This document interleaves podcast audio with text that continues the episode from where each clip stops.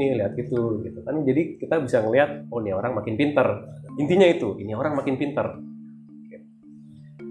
Uh, oke okay, ada pertanyaan sampai saat ini? Oke. Okay. nah di tabel berikutnya saya akan menampilkan rangkuman obrolan sama Pak Umar. Ya mohon izin ya. Jadi kenapa? Enggak semua biar harus semua harus lihat. Semua harus lihat. karena ini tidak ada yang rahasia sebenarnya ya. Tidak ada yang saya taruh di situ tidak ada yang rahasia. Dan memang di tim saya yang sebelumnya juga saya mencoba untuk supaya kita saling tahu kita mau ngapain. Nggak perlu misalnya tahu uh, yang detail-detail yang rahasia ya, cuma paling nggak uh, kita sama-sama tahu nih. Contoh misalnya si A dia pathnya dia mau cukup satu tahun lagi di sini, terus tahun depan dia mau coba ke HFE misalnya, kayak gitu aja, ya kan? Oke, okay. nah sorry ini agak kecil karena kalau di kayak bisa dilihat sebenarnya. Bisa di zoom. Zoom in. Oke nah ini hasil obrolan kita 25 Januari. Uh, kayaknya nggak sampai dua jam nih kemarin. Satu setengah satu jaman lah ya kemarin ya. Seperti yang dilihat saya belum nulis apa-apa yang rahasia di sini. Ya satu backgroundnya electrical TDP program. Bener kan? Semua orang tahu dong. Ya. uh, lalu pendidikannya dulu SMK apa dulu lupa aku elektrik listrik itu sebelumnya SMK. SMK kan? Ya, SMK. Tapi penjurusannya listrik waktu itu ya. Elektronika. Elektronika. Terus lanjut S1 sarjana hukum. Ini unik nih. Ya. Kita jadi kita lama-lama kita akan akan lebih jeli melihat ya dari listrik ke hukum. Makanya saya tanya kemarin, kenapa? Saya mau tahu kenapa. Pasti ada ada penggeraknya gitu, ada alasan yang baik kenapa dia melakukan itu. Uh, terus dia sudah uh, tiga tahun benar nggak? 2017 ya? Di GS GS dari 2011 2011 malah. Oke okay, dulu. Oh berarti di employee karena kemarin aku ngeliat ke employee profile. Gitu di employee profile tulisannya 2017 soalnya. Berarti nanti itu kita ganti ya. 2011 ya oke berarti udah lama tuh kan? Nah itu kita tulis tuh. Sudah lumayan lama di GS ya. Lalu berikutnya very fluent in local Sumsel language. Fluent itu maksudnya lancar bahasa. Bahasa Sumsel ya. Itu modal itu. Modal untuk ke mana-mana banyak loh ya. Kalau anda bisa lancar bahasa bahasa lokal itu bisa ke mana-mana. Security humas ASE apalagi transport banyak sekali kesempatannya oke jadi itu sesuatu yang selama ini mungkin kita nggak sadar gitu kita merasa itu bahasa ya gitu aja gitu. tapi ternyata itu modal sebenarnya Lalu uh, skill di komunikasi sama supervisornya bagus. Kita lihat aja tadi kan dia bisa memimpin safety meeting dengan baik. Lancar tadi kelihatan kan? Nggak kelihatan ada flow-nya bagus gitu dari sini akan ngapain akan ngapain ngomongnya juga enak gitu nggak yang bingung mesti ngapain gitu kan kayak Pak Wadino juga bilangnya grogi padahal dia nggak grogi sebenarnya begitu udah lancar udah ngalir gitu sebenarnya makanya tadi saya bilang kalian bertiga itu punya modal kuat dari sisi komunikasi itu harus di, diasah lagi tuh. Lalu solid interpersonal skill itu antar orang, ya kan, bisa me-establish membuat relationship hubungan baik sama orang lokal, sama orang sini. Bener nggak? Kemarin tuh selama di perjalanan kita ke Lika, aku dengerin dia tuh cerita macam-macam dia cerita ngomong sama ini ngomong sama itu. Itu aku mencerna itu. Walaupun aku diem aja tuh aku sebenarnya lagi nyatat itu dalam hati. Ya kan? Oh ini orang bisa memilih dengan baik. Sekali lagi kalau udah bisa kayak gitu kesempatannya luas lebar bisa ke mana-mana. Ya kan? Uh, lalu uh, good achievement di bidang uh, pencapaian di ini ya HSE-nya GS ya terbukti 2019 nol uh, insiden dan 100% ya nilai laggingnya ya tadi ya benar nggak? Laggingnya 100% kan? Ya, itu pencapaian. nah iya itu pencapaian. Itu ya kan? Walaupun nah itu kalau yang kayak gini-gini itu sebenarnya bisa aja nggak ditulis hanya di Pak Umar aja gitu. Yang lain juga bisa nulis. Tapi tentunya sebenarnya sebagai lead si lead itu tahu siapa yang paling kontribusinya paling besar tuh siapa dia tahu pasti lalu eager to learn and increase his responsibilities. Eager tuh artinya dia mau untuk belajar learn itu belajar ya dan increase itu menaikkan responsibility dia tanggung jawab dia kenapa saya bisa bilang gitu berapa banyak orang yang mau ngambil sekolah lagi investasi bayar sendiri untuk kuliah lagi berapa banyak coba orang Hah? Satu dari sepuluh aja enggak loh di sini. Ya enggak? Kita beli macam-macam, beli sepeda, kan dikasih baterai pula sepedanya, ya kan berjuta-juta mau. Tapi kiran kita belajar untuk bayar sesuatu nih, online sesuatu yang belajar online nih misalnya 200 ribu, ah nantilah gitu kan. Tapi beli sepeda 9 juta ada baterai, oh ya malah gitu. Ini saya tidak menyindir siapa-siapa, ya kan. Ini hanya memberi contoh saja. gitu ini uh, jadi gitu jadi kelihatan gitu orangnya sebenarnya mau belajar gitu ya dan ini harus kita manfaatkan harus kita kasih kesempatan orang ini nah dari sisi prioritas pengembangannya satu dia harus move up dulu. Karena aku tidak merasa kalau Pak Umar perlu adapt banyak-banyak. Ya karena udah oke okay sebenarnya gitu. udah oke okay nih hubungannya ya kan? terus dan uh, ya habis itu saya tanya pun juga beliau merasa oh saya harus move up. Dalam arti saya harus nambah tanggung jawab saya karena tujuan akhirnya adalah uh, meningkatkan ini juga gitu yang lain-lain itu kan uh, baru terakhir kita akan ngomongin move out jadi saya bilang sama Poma saya sudah tahu pertimbangannya mau ke mana segala macam tapi tolong kasih saya waktu satu tahun kalau sampai tahun depan, Maret tahun depan memang masih tidak ada banyak perkembangan, oke, okay, kita pikirin Anda akan pindah dari sini. Gitu. Oke. Okay? Uh, terus kontribusi non rutin itu ya GS 5 itu safety improvement itu kita anggap non rutin karena itu sesuatu yang uh, bisa dibilang effortnya lebih. Gitu. Tapi tahun 2020 kalau dia ngerjain itu lagi udah nggak dibilang luar biasa harus ditambah gitu. Dan alangkah baiknya kalau nanti Pak Umar bisa mengcoaching, mendelegasikan pekerjaan itu ke teman-teman yang lain. Yang outsource, suruh dia merhatiin safety kita. Jadi untuk kita bisa pindah ke kursi lain, kursi yang lama harus dibersihin dulu, disiapin orang yang lain yang bisa nempatin itu, baru kita bisa pindah ke kursi lain. Oke? Lalu training needs, kita akan coba ini sertifikasi yang coaching itu yang saya bilang. Uh, ini baru nanti di bawah ada lagi sorry. Ya. Jadi yang ini discovery session. Jadi pertama general notes itu general itu catatan umum aja. Lalu habis itu kita ngomongin soal pengembangan kompetensinya ya. sorry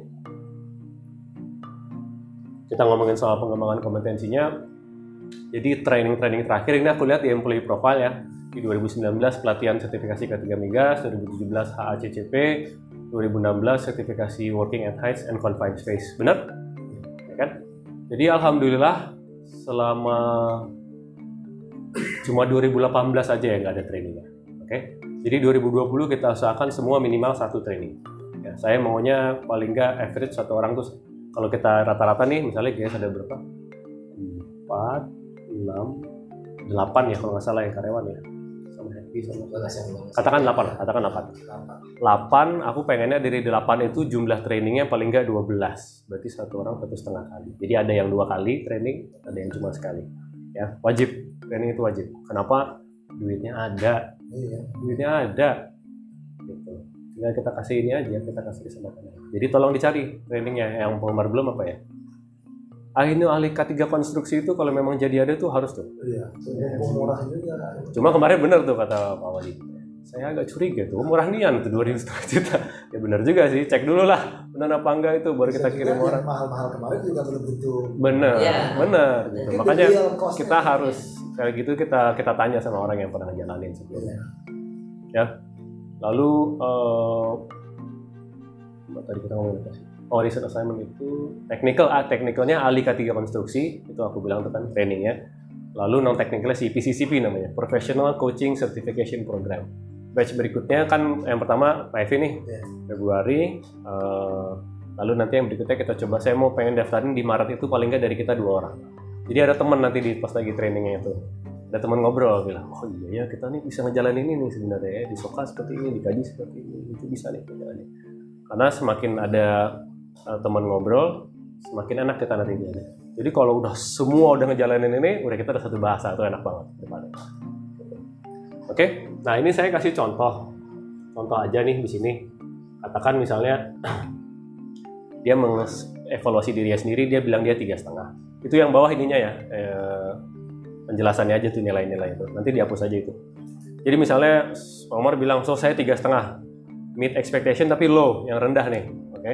Nah di bawahnya itu kita tulis nanti kontribusi nyata dia sampai per hari ini apa. Lalu improvement plan-nya, rencana pengembangannya seperti apa. Oh saya akan mengeksekusi roadmap pengembangan teknikal saya. Mendalami lagi K3 konstruksi, gitu-gitu. Saya bisa mengopnam kerjaan, saya tahu tentang pekerjaan sipil seperti apa, dan sebagainya. Lalu saya menginitiate, lalu dia harus bisa memulai sebuah project uh, yang bisa mengimprove kinerja GS secara keseluruhan. Contoh, pengurangan limbah. Ya, jadi bisa aja itu datang dari Umar. Pertama, saya mau bikin kebijakan tidak ada pesan nasi bungkus lagi. Kedua, saya mau bikin peraturan juga tidak ada orang bungkus dan makan di kamar. Ya kan? Kan setiap mes itu sebenarnya ada ruang tengah tuh biasanya tuh kalau nggak salah. Ya kan? Nah dia hanya boleh makan di situ tidak boleh makan di ruangan kamar kamar tidur. Raffles kalau Raffles dulu ada ya kan? Nggak tahu yang sekarang. Kalau si ada cempaka ada ya kan? Kes kembar ada pasti hampir semua mes sebenarnya ada ya. jadi kita larang mereka makan di kamar karena yang repot tuh kita nanti kalau ada apa-apa tuh kita yang Lalu ketiga, increase exposure to other departments. Jadi nanti kita bikin scoring sistemnya, ada absennya. Jadi misalnya nih, setiap kali on harus minimal satu kali saya TikTok di departemen lain dan menyampaikan program kerja GS apa. Contoh program kerjanya misalnya adalah si improvement projectnya adalah pengurangan limbah. Ya udah nyampein itu di TikTok di departemen lain. Oh Pak, dan ah, ya ada buktinya gitu. Ini saya ini ini, ini foto ya kan? Lalu foto lah. Paling gampang foto aja mau ya foto gitu. Mau selfie ke mau apa yang penting ada bukti anda foto dari situ. Ya kan? Nantinya kita susun gitu ini ya. Kita susun laporannya. Nah jadi di uh, saya dulu yang saya lakukan adalah setiap akhir tahun saya bikin presentasi. Uh, foto terus pekerjaannya apa pencapaiannya apa gitu kan? Nah itu saya kasih ke bos bos ini pencapaian jadi dia enak, dia punya modal di saat diadu sama lead lain tuh dia punya modal. Ini anak buah gue ngerjain ini nih, ini buktinya. Dia bisa kasih lihat, nih gambarnya. Ini dia lagi gini, dia lagi gini, dia lagi gini. Capaiannya sekian. Kalau dulu sebagai engineer kan pencapaian dia, yakin produksi sekian banyak, ya kan kayak gitu. Kalau kita kan berupa bisa pengurangan kos, ya kan? pengurangan biaya, pengurangan jumlah sampah, pengurangan macam-macam, kita macam-macam banyak sekali. Uh, ya kurang lebih seperti itu. Ada pertanyaan dulu, ini discovery session nih. Ini kolom discovery session yang pertama kali. Ya, ini modal awal. Ada pertanyaan? Oke. Nah, habis itu checkpoint. Di checkpoint terserah. Jadi gini, kita kita saya coba simulasi ya dari sisi sebentar kita stop dulu rekamannya.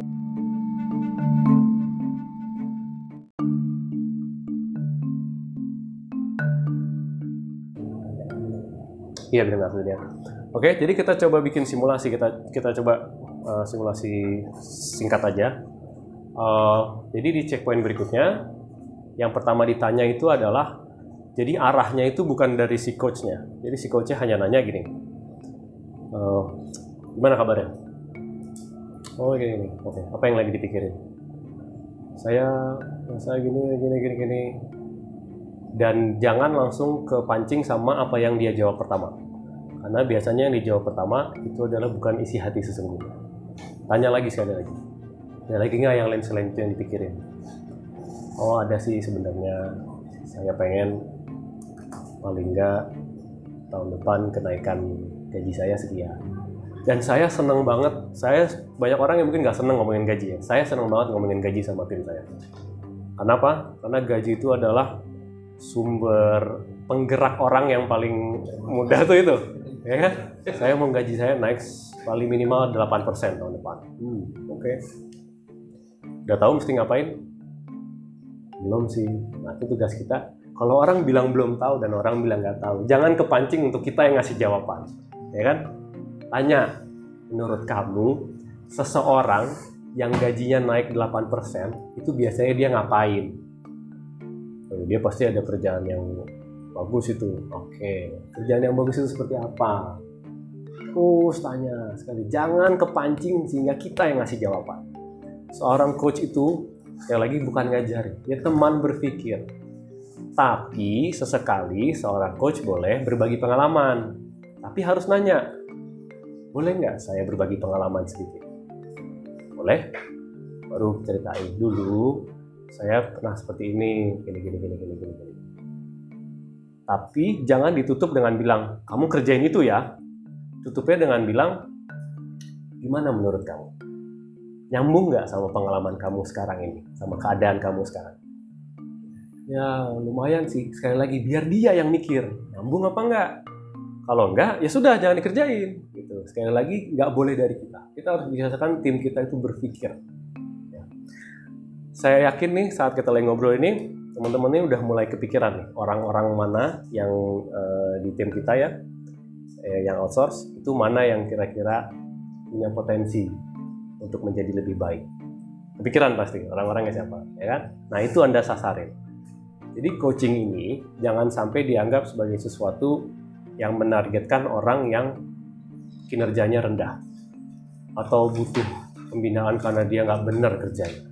Ya, justru kita harus bisa membuat orang mengerti bahwa coaching inilah membantu orang bekerja lebih baik. Ya. E, tapi tentunya harus seimbang juga nanti kita pilih coachingnya. Jadi jangan hanya yang bagus-bagus saja. Coba pilih salah satu yang juga yang agak kurang yang butuh dibina itu dipilih juga ya.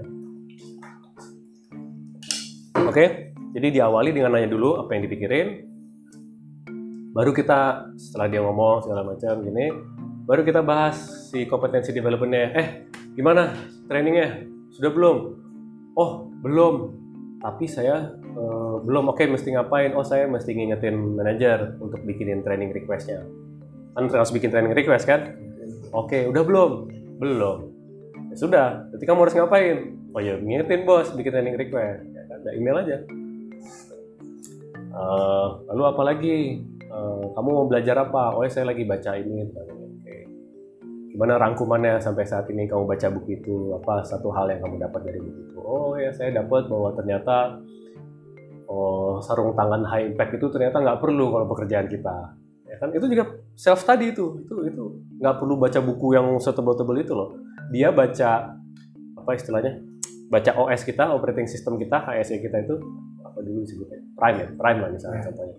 Dia baca Prime aja itu udah self study itu udah belajar sendiri gitu. Udah masuk ke ini lalu volume training eh lalu job exposure juga gimana pekerjaan sama ini apa yang ditambahin pekerjaannya lalu disuruh lagi self evaluation lagi di situ udah ada kemajuan tuh 3,3 ya kan Oke, kenapa kamu bilang kamu 3,3? Oh, karena saya ngerjain ini itu. Saya nambah tanggung jawab. Saya udah ada pencapaian ini, pencapaian itu. Saya kemarin eh, ngadain safety meeting, saya ngatur, saya yang presentasi. Itu kontribusi nyata, ya kan? Lalu gimana caranya supaya dari 3,3 bisa jadi 3,1 atau 3,0? Oh, saya harus melakukan ini lagi, tambah lagi. Nah, nanti seiring waktu, checkpoint itu akan nambah terus nih. Jadi copy paste, berat nanti kelihatan tuh kontribusi kontribusi nyatanya nambah satu dua tiga yang tadinya improvement plan kan rencana dia akan pindah ke kontribusi nyata Nanti ada improvement plan baru lagi pindah lagi kontribusi nyata lagi dan seterusnya jadi nanti di akhir tahun kontribusi nyata itu panjang ya kan jadi enak jelas pencapaian dia apa terukur benar-benar terukur itu kayak ini waktu itu saya jalanin dua minggu sekali 1 Agustus 19 Agustus 2 September ini dua, dua minggu sekali uh, direct 30 menit, telekonferensi, telepon 30 menit, dan direct. Ya, ini contoh nih, harus ngisi nanti seperti ini. Kurang lebih gitu.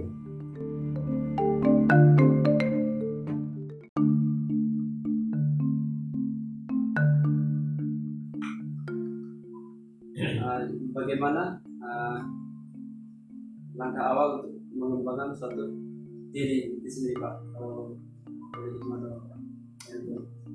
Oke, okay bagaimana cara mengembangkan mulai dari mana? Satu, kemauan.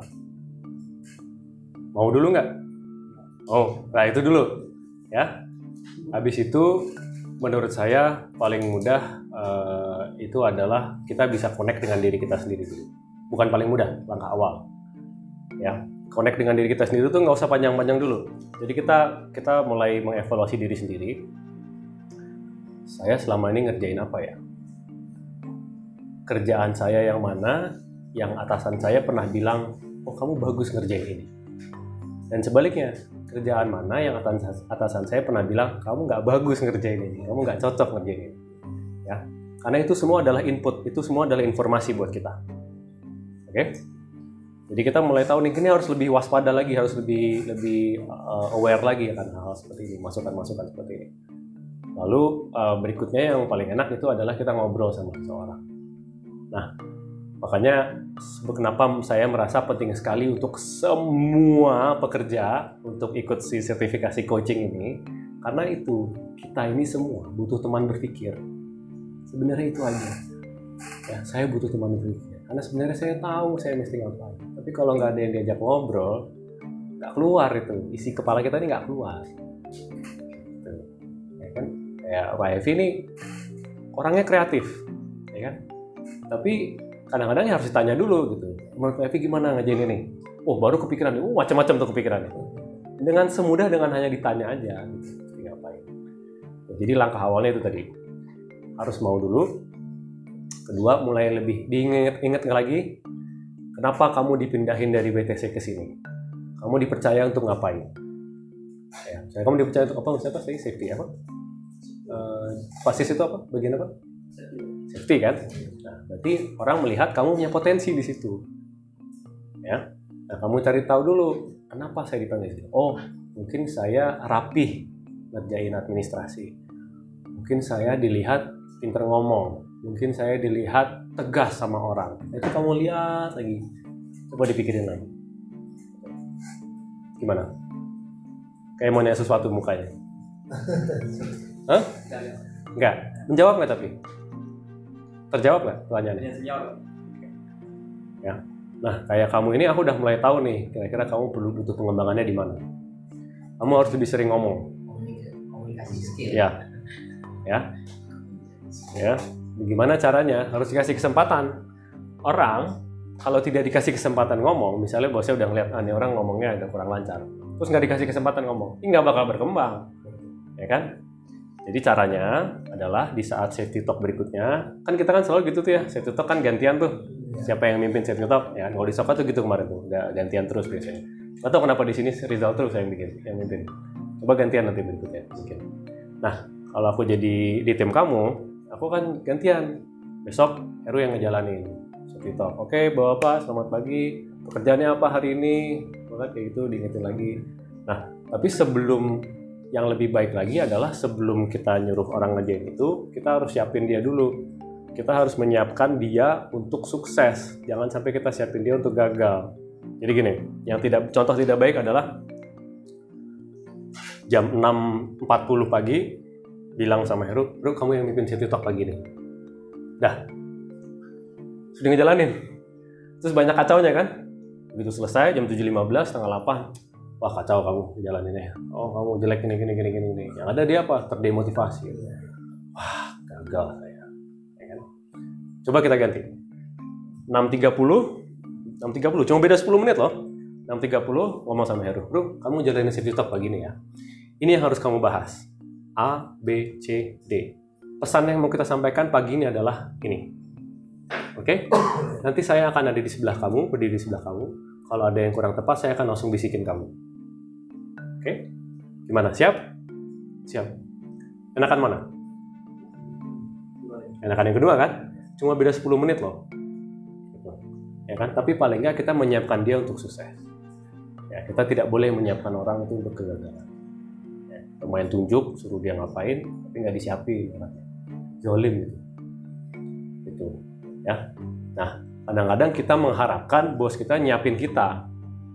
Nggak bakal bisa kita dapat. Kita nggak bisa milih bos yang yang sempurna.